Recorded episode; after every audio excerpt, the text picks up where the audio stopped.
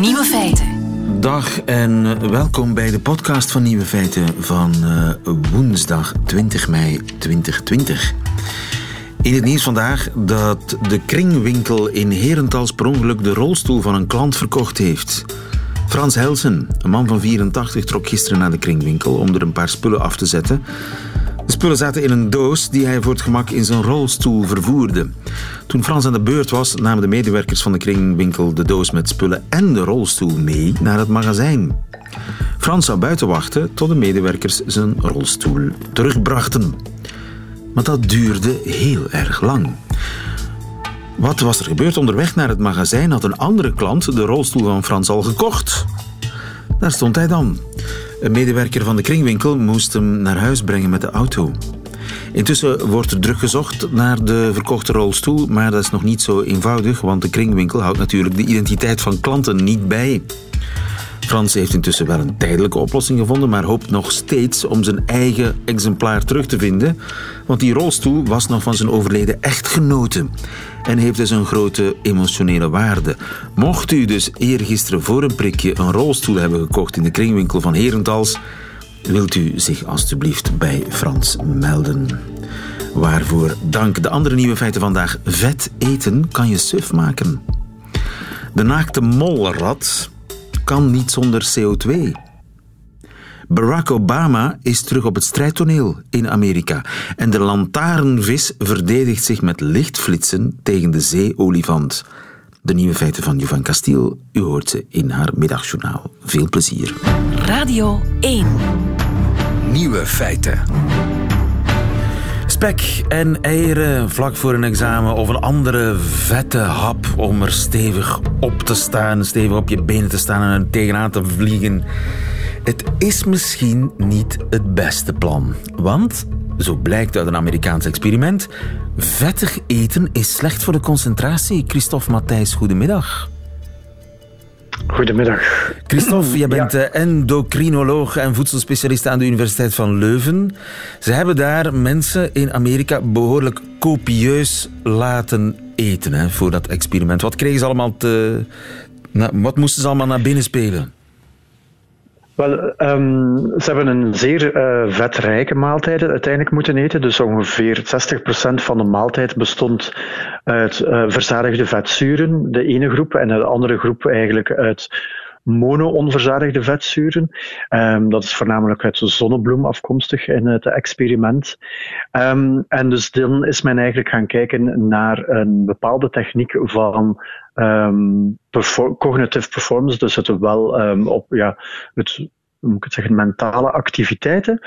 Um, en voornamelijk naar uh, aandacht, attentie. Dus um, hoe sterk dat men eigenlijk ging gaan vergelijken. Ja, en er waren twee groepen eigenlijk. En, en die twee groepen die kregen twee verschillende soorten vet voorgeschoteld. Ja, dus het, um, het is uiteindelijk gecorrigeerd voor de totale vet um, in de maaltijd die men aangeboden kreeg, ook voor het, uh, dus het verzadigd vet, uh, de totale vet en de totale energie van de maaltijd, sorry. En het is dan het soort vet die eigenlijk verschillend was. Ja, ja. En dus ze moesten, beide groepen moesten allerlei IQ-testen uh, of ja, concentratietesten uitvoeren na het eten van een enorme hoeveelheid vet. Wat bleek uit die, uit die resultaten? Wat um, de studie beschrijft is dat er een verschil is, een statistisch verschil, um, in voornamelijk um, wat men noemt het duurzaamheid van de attentie, dus het aandachtig blijven. en dus daar ziet, ziet men eigenlijk een, een, verschil eigenlijk in. Ah, ja. dus het detecteren ook, en dat zijn allerlei testen, snelheidstesten, dat men moet doen, zaken die men ook in sporten doet om reactiesnelheid te gaan optimaliseren. en het um, op dat moment het, het, langer blijven geconcentreerd op prikkels reageren, um, zag men dalen bij de verzadigde vetzuren. Ja, en dat zag je niet bij de onverzadigde vetzuren. Ja, dus dat, uh, bij de mono-onverzadigde vetzuren. Mono-onverzadigde ja, vetzuren. Dat zijn nog andere. Uh, mono-onverzadigde vetzuren zijn dus minder invloedrijk op, de, op het concentratievermogen? Wat zijn bijvoorbeeld mono-onverzadigde vetzuren? Zonnebloemolie? Zit bijvoorbeeld in zonnebloemolie zit dat bijvoorbeeld. Um, ja, heel veel plantaardige oliën um, is dat eigenlijk aanwezig. Olijfolie zijn, zijn ook omega-9 vetzuren. Ja, ook, uh, maar het, het, het, gaat om, om het verzadigde vet dat je in vlees vindt, in ijsjes, in koeken, dat soort. Dat zijn de, de verzadigde vetten.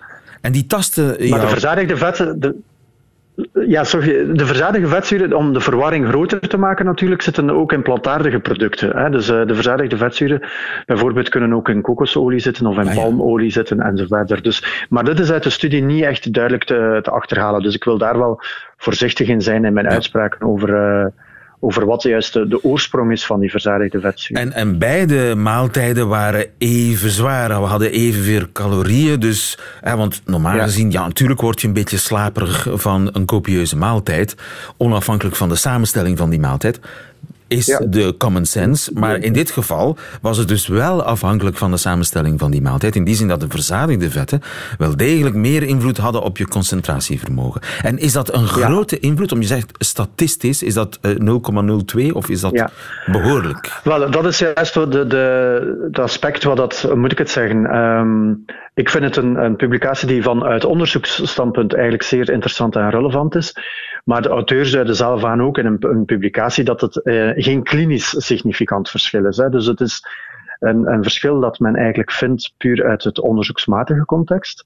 Maar men vindt eigenlijk, um, om nu na te gaan van oké, goed, ik ga een copieuze maaltijd nemen en ik ga uit mono-onverzadigde nemen of verzadigde vetzuren ja, dan, dan als men dat echt naar klinisch of naar performance, echt bijvoorbeeld naar examens gaat kijken, dan uh, ga je dat eigenlijk niet echt gaan, gaan vaststellen. Hè. Dus het zijn kleine verschillen. Dus klinisch significant betekent dat het echt ook op individueel niveau eigenlijk een, een effect zou hebben. En, en dit is eigenlijk meer statistisch. Het, het, was niet bij iedereen even groot. Maar goed, voor de zekerheid zou ik toch niet direct naar de frituur gaan vlak voor een examen ja, voor de examens zouden we sowieso de, de saaie boodschap van een gezond gevarieerd voedingspatroon eigenlijk gaan aanraden. Hè. bedoel, um, maar ja, um, nogmaals, het, het zijn uh, zeer interessante wetenschappelijke inzichten, omdat ze ook een stukje leggen de link met het darm, darmflora.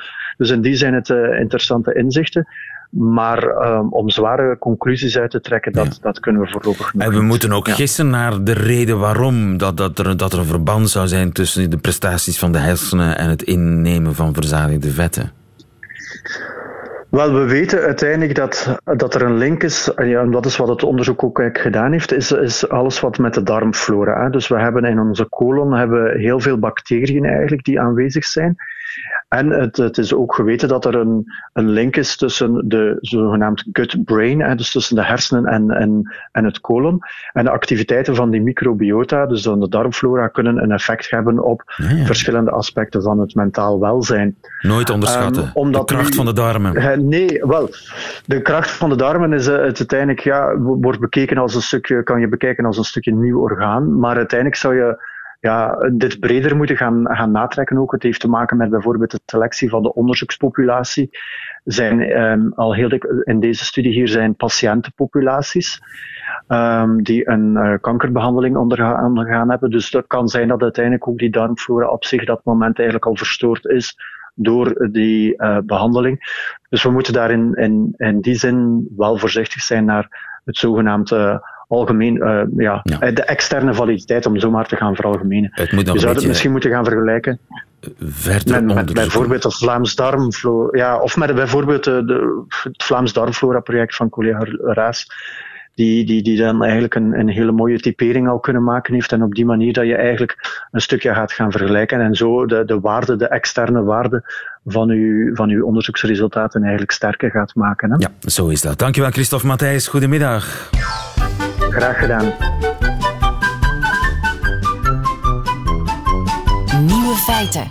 Alles wat ademt en leeft stoot CO2 uit. Maar er is één notoire uitzondering ontdekt, namelijk een dier dat het kwalijke gas CO2 nodig heeft om gezond te blijven. En dat is wel heel merkwaardig. Het is ook een heel merkwaardig dier dat alleen in bepaalde landen in Afrika voorkomt en dat heet de naakte molrat. Dirk Drouwlands, goedemiddag. Goedemiddag, lieve. De naakte molrat, jij als dierkenner, jij kent dat beest, maar de meeste mensen kennen het niet. Het is nogthans een echt cultbeest. Een beest met een, een schare toegewijde fans. De naakte molrat. Ja, absoluut. Het is een, uh, het is een wonder van de, van de natuur en dus ook uh, wekt het de interesse van de wetenschap. Een beauty is het niet, hè? Nee, nee, het is ongeveer het, het, in de top drie van lelijkste beesten ter wereld uh, scoort hij altijd geweldig goed. Het is een naakt, blind, lelijk dier met van die onwaarschijnlijke lelijke tanden. Maar dat is natuurlijk geweldig functioneel. Het is een knaagdierke van een centimeter of tien. Trouwens, als je ze wilt zien, in Paradisa, de, de zoo in Henegouwen, ah. is er een mooie kolonie van te zien. Okay. Het zijn dier, dieren die onder de grond leven in een gangenstelsel en die... Ja, rare, rare biologische uh, verwezenlijkingen hebben gedaan. Ze leven zoals de mieren en de bijen, een soort uh, kolonie met een koningin die twee mannen kiest en al de rest moet werken. dus uh, ze zijn bestand tegen kanker, ze zijn ongevoelig voor pijn, ze kunnen tot meer dan 30 jaar oud worden, wat dat voor een knaagdiertje van een centimeter of tien zeer uitzonderlijk is. Een superdier. Het is een superbeestje, ja. Het is, eh, het is een opeenstapeling van, van, van specialekes die intensief bestudeerd worden in de hoop dat men daar iets uit kan leren dat ook voor de menselijke geneeskunde nuttig kan zijn. Ja, en nu hebben ze iets ontdekt aan die verrimpelde ongebakken worst, want ja, zo ziet hij eruit, hè. Sorry, hè. Ja, Een verrimpelde ongebakken worst met pootjes en twee ferme gele snijtanden. Nu hebben ze iets, nog iets, iets, ja, iets ontdekt dat kan toegevoegd worden aan de lijst onwaarschijnlijkheden.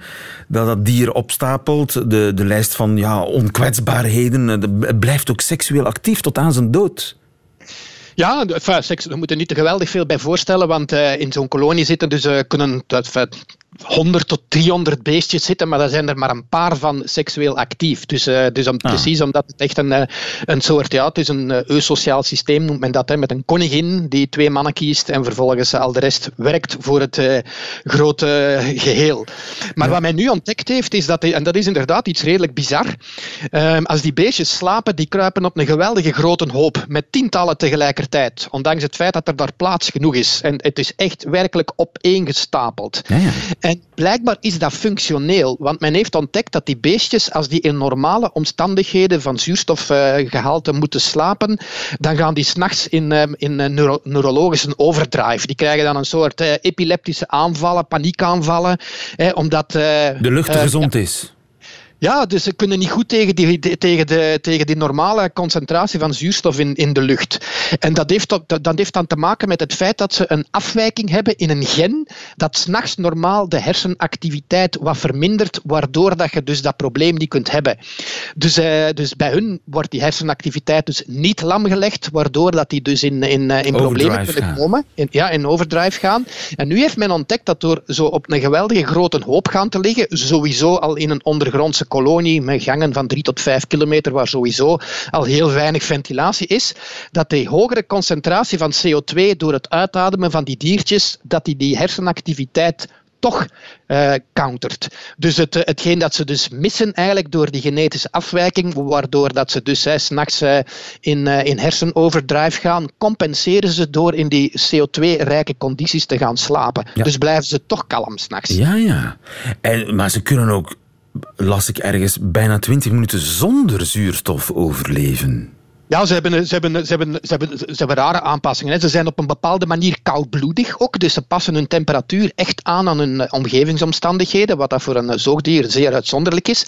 Ze hebben heel efficiënte hemoglobine, hè. dus, de, dus het, het rode van, van de rode bloedcellen, dat de zuurstof door het lichaam transporteert. Dus, dus ja, ze zijn, ze zijn echt aangepast aan een zuurstofarm systeem en dan komt dit er nog eens bovenop. Ja. Het zou waarschijnlijk een mechanisme zijn om, om want je zit u dan als bioloog af te vragen van oké, okay, goed, die mutatie, in principe denkt dat dat wordt weggeselecteerd, want dat heeft geen nut. Of, of, of, maar men denkt dat dat nodig is om die diertjes echt onder de grond te houden. Ja, ja. Omdat als ze zouden gaan uitzwerven dan, dan, en, en, en overal andere kolonies gaan stichten, is dat misschien niet goed. En dus doordat ze dus, ja, als ze dus alleen ergens anders terecht gaan komen, kunnen ze natuurlijk niet dat dempende effect hebben van die geconcentreerde koolstofdioxideconcentratie. Dus denkt men dat is een mechanisme om die kolonies intact te houden. Ze hebben elkaar CO2 nodig eigenlijk. Daarom moeten ze samen blijven. Ja, voilà. Ja, dus ze, kunnen en, niet, ze kunnen niet zonder, zonder de grote aantallen en het echt dicht op elkaar gepakt zitten. Het, en kunnen wij daar nu iets van leren, van die naakte molrat, wat betreft dat CO2-gebruik?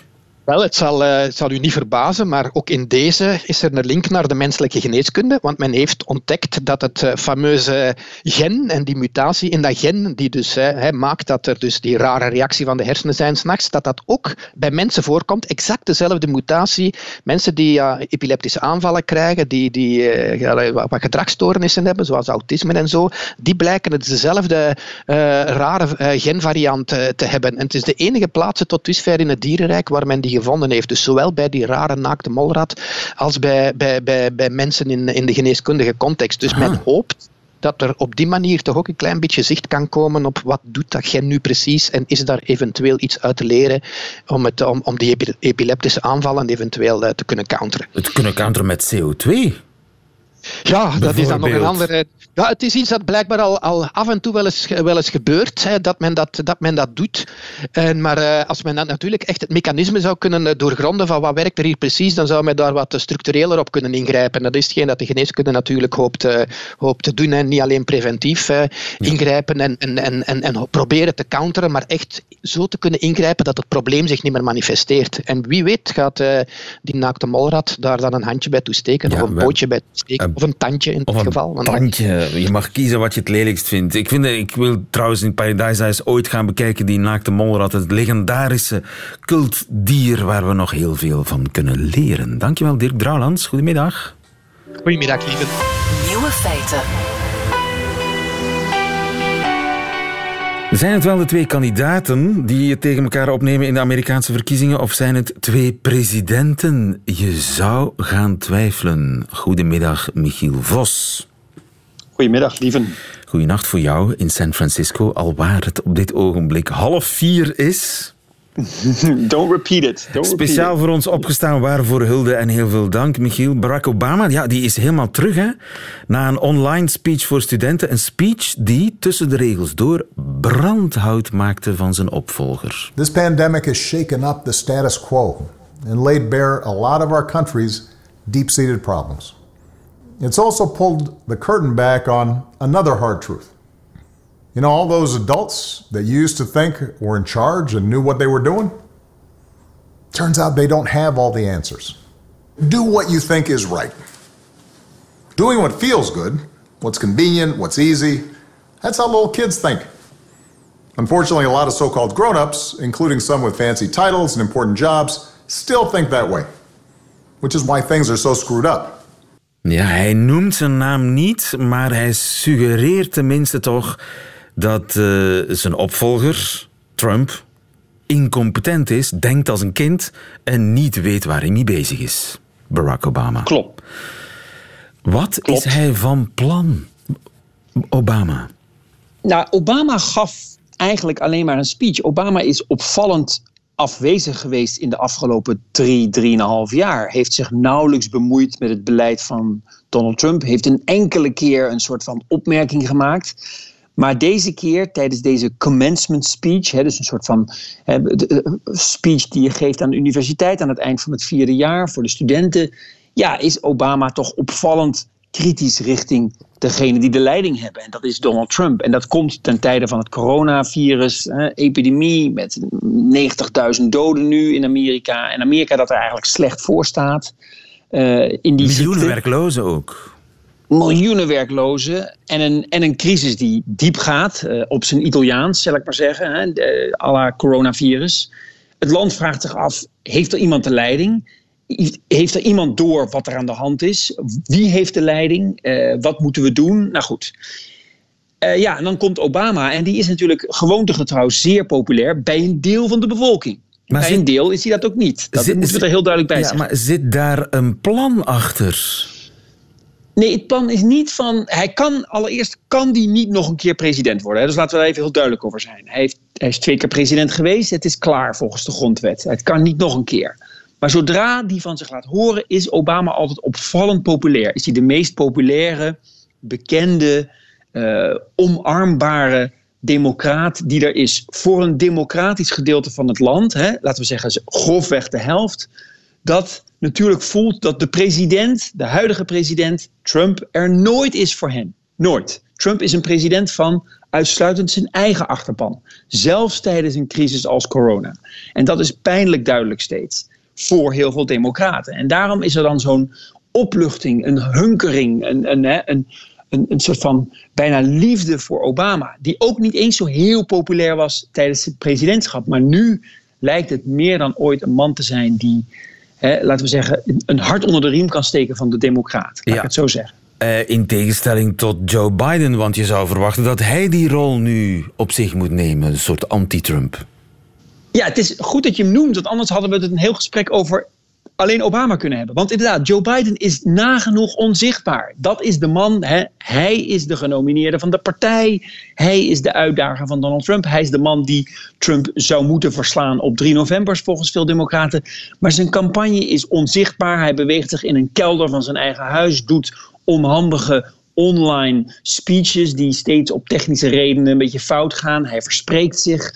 Ehm, ja, het is nog steeds de oude Joe Biden, hè, die geliefd wordt door de meeste mensen. Maar hij is ook oud, hij is een beetje stram.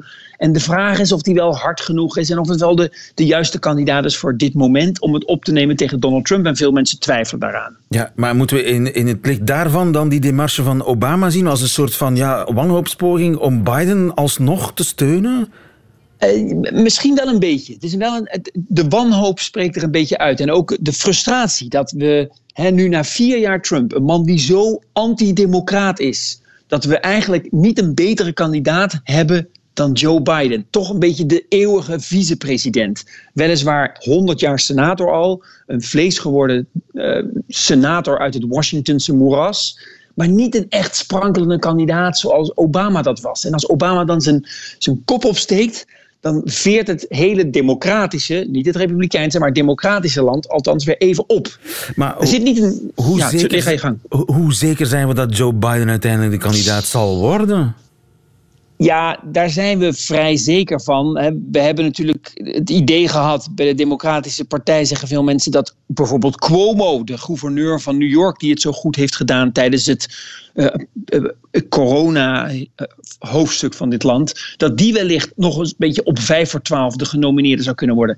Maar eigenlijk is het, het, is, pleit beslecht en is het Joe Biden. Daar moeten we gewoon, zeggen de Democraten, gewoon aan wennen. We hebben niet, weliswaar niet een echte conventie waar we naartoe leven. Uh, De campagne is gestart.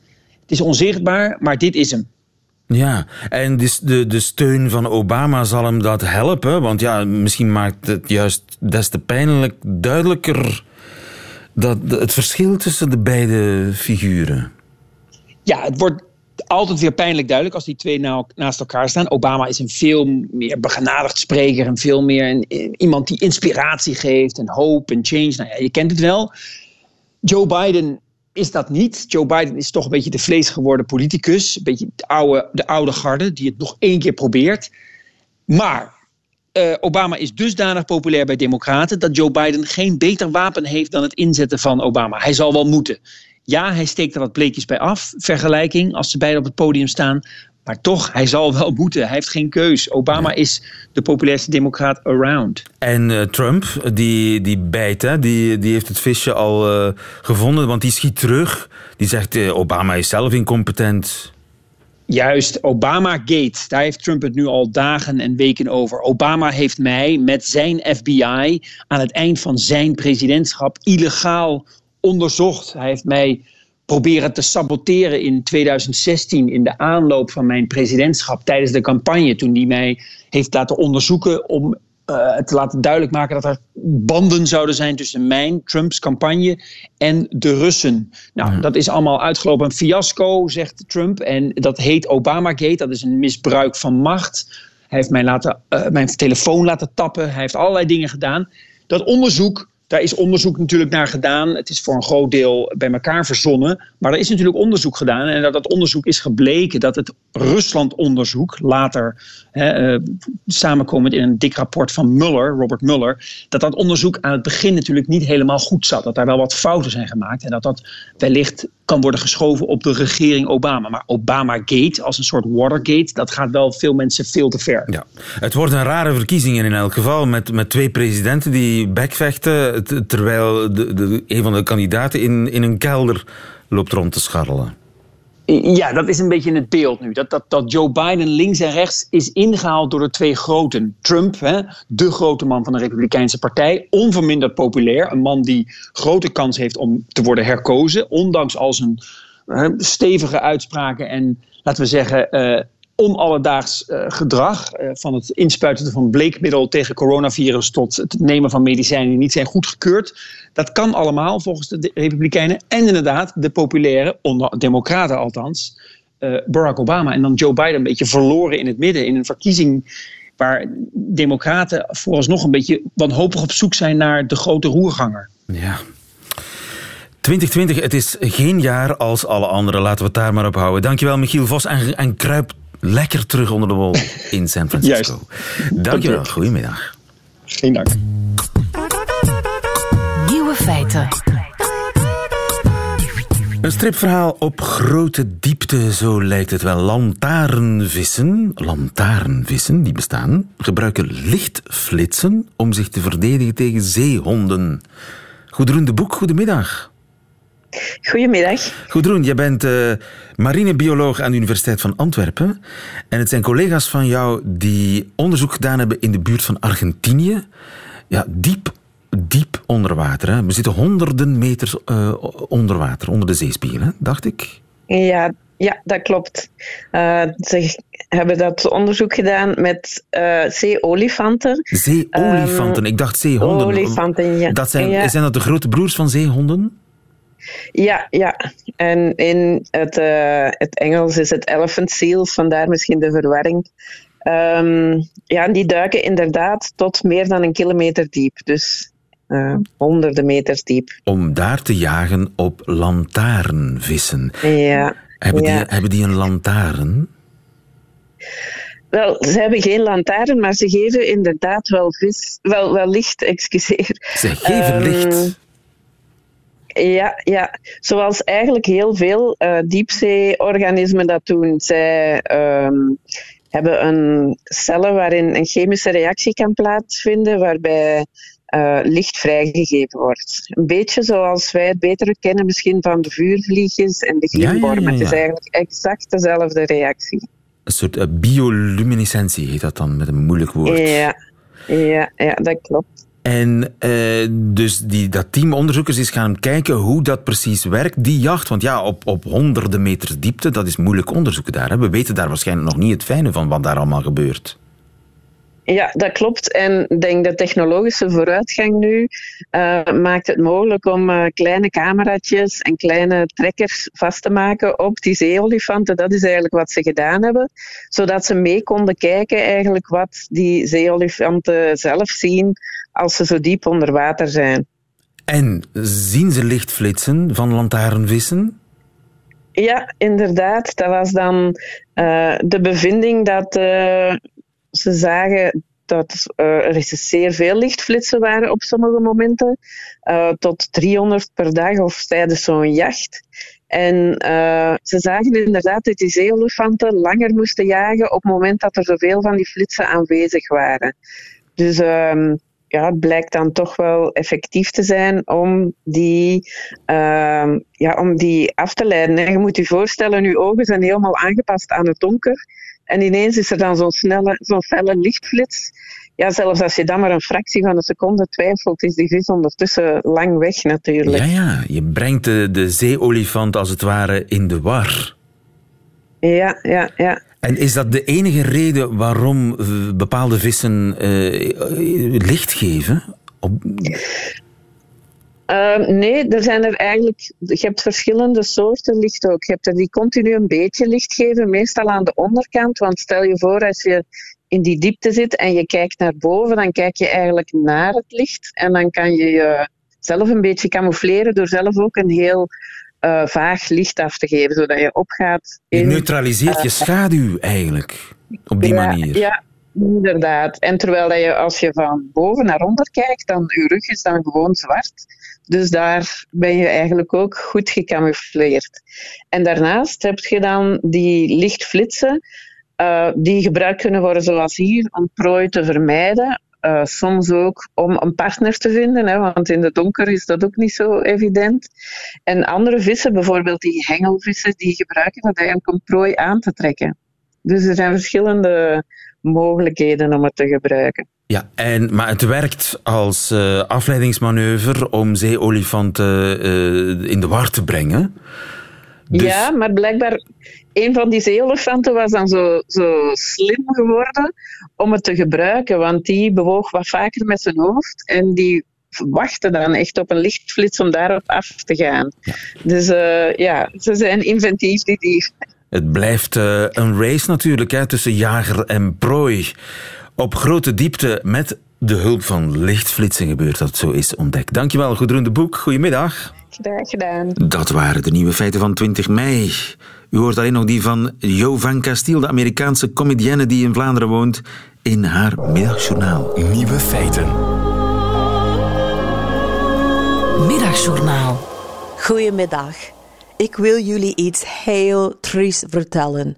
Madonna zit nu in lockdown. En ja, ja, ja, ja, ja, ik weet dat er nog een paar andere mensen in lockdown zitten. Een paar miljard of zo. Maar voor Madonna voelt het alsof alleen Madonna in lockdown zit. Arme, arme Madonna. Het lijkt erop dat zij de laatste weken in haar antieke paleis in Lissabon moet wonen en niks anders kan doen dan filmpjes op sociale media zetten waarin zij in haar pad zit en filosofische dingen over corona zegt, of liedjes zingt in haar badkamer aan haar haarborstel als microfoon gebruikt. Madonna is gek aan het worden en het is de schuld van de corona-lockdown. Want Madonna heeft bepaalde dingen nodig om Madonna te zijn. Een publiek, een fotograaf en een entourage die met al haar grapjes lacht. Oh, Madonna, jij bent de grappigste superster ter wereld. maar nu is er dus ook niemand meer in de buurt om te zeggen: Nee, Madonna, Alsjeblieft, Madonna. Stop, Madonna. En dus gaat Madonna door met Instagram-filmpjes te maken. Terwijl wij gewoon een vrouw van middelbare leeftijd zien die nacht in haar bad zit te zagen en klagen. Toen ik voor het eerst over Madonna hoorde, vond ik haar fantastisch. Zo mooi, zo getalenteerd. Ze heeft een lange, succesvolle carrière gehad en als ze twintig jaar geleden was gestopt, zou ze voor altijd een legende zijn. Maar ze is niet gestopt en ze begon zichzelf kapot te maken. Ze viel jonge mannen aan met een tongkus. Ze reed het podium op op een driewieler en ze ging naar het Eurovisie Songfestival. Maar zelfs als je zou denken dat dat laatste haar dieptepunt was, was niks in haar carrière zo moeilijk als haar coronalockdown. Arme, arme Madonna. Dus als we ons in deze gekke tijden af en toe een beetje depressief voelen, kunnen we altijd wat nieuwe hoop krijgen door te denken: de dingen gaan misschien niet zo goed, maar wauw, gelukkig ben ik niet Madonna. Tot vrijdag.